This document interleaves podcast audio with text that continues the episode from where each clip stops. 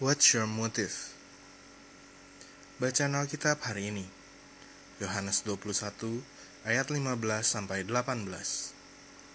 Sesudah sarapan, Yesus berkata kepada Simon Petrus, "Simon, anak Yohanes, apakah engkau mengasihi aku lebih daripada mereka ini?" Jawab Petrus kepadanya, "Benar Tuhan, engkau tahu bahwa aku mengasihi engkau." Kata Yesus kepadanya, Gembalakanlah domba-dombaku. Kata Yesus pula kepadanya untuk kedua kalinya, Simon anak Yohanes, apakah engkau mengasihi aku? Jawab Petrus kepadanya, Benar Tuhan, engkau tahu bahwa aku mengasihi engkau.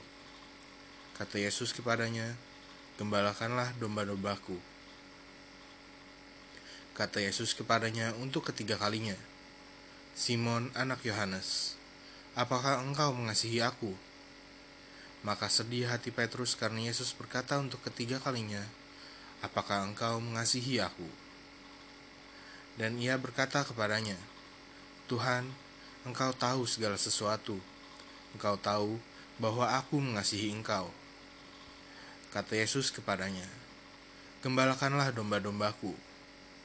Aku berkata kepadamu, Sesungguhnya ketika engkau masih muda, engkau mengikat pinggangmu sendiri, dan engkau berjalan ke mana saja kau kehendaki. Tetapi jika engkau sudah menjadi tua, engkau akan mengulurkan tanganmu, dan orang lain akan mengikat engkau dan membawa engkau ke tempat yang tidak kau kehendaki. Ayat hafalan Mazmur 139 ayat 23 Selidikilah aku ya Allah, dan kenalah hatiku Ujilah aku dan kenalah pikiran-pikiranku. Renungan inspirasi Sebagai orang percaya, kita tahu bahwa setiap kita memiliki setidaknya satu karunia rohani, dan bersama-sama kita adalah satu tubuh, satu gereja. 1 Korintus 12 Banyak dari kita menjadi volunteer di gereja, terlibat di dalam berbagai macam pelayanan, masing-masing menggunakan karunia yang dimiliki untuk melayani. Namun pada kenyataannya, kita termotivasi untuk terlibat dalam pelayanan karena berbagai macam alasan. Dan di antaranya terdapat motif yang salah. Ada yang terlibat dalam pelayanan karena keluarga. Mungkin keluarga mereka telah lama terlibat di dalam pelayanan gereja, sehingga mereka tidak dapat membayangkan jika mereka tidak ikut terlibat di dalam gereja. Ada juga yang terlibat di dalam pelayanan untuk diri mereka sendiri mereka ikut dalam pelayanan untuk mencari teman, pasangan, menjadi terkenal, pembenaran diri, peningkatan diri, dan masih banyak motif pribadi lainnya. Mereka hanya melayani keinginan mereka sendiri.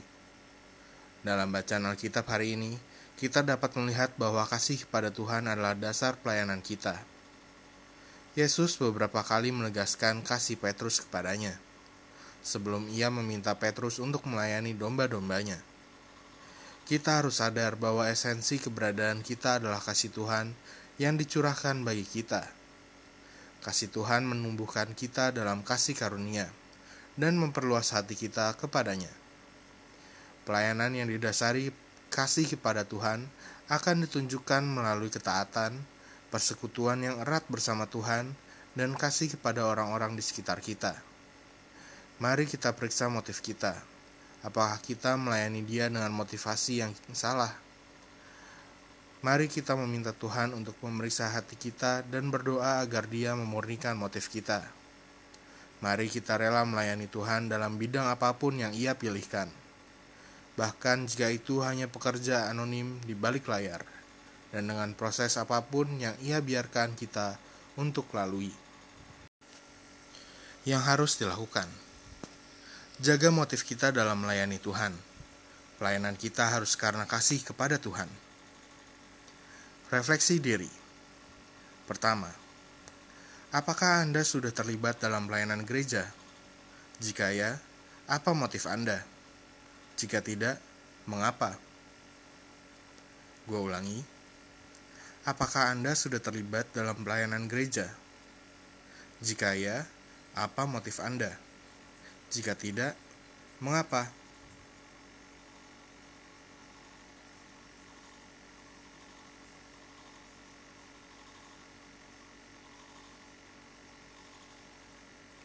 Kedua, bagaimana Anda dapat memeriksa dan menjaga motif Anda dalam melayani Tuhan? Gua ulangi. Bagaimana Anda dapat memeriksa dan menjaga motif Anda dalam melayani Tuhan?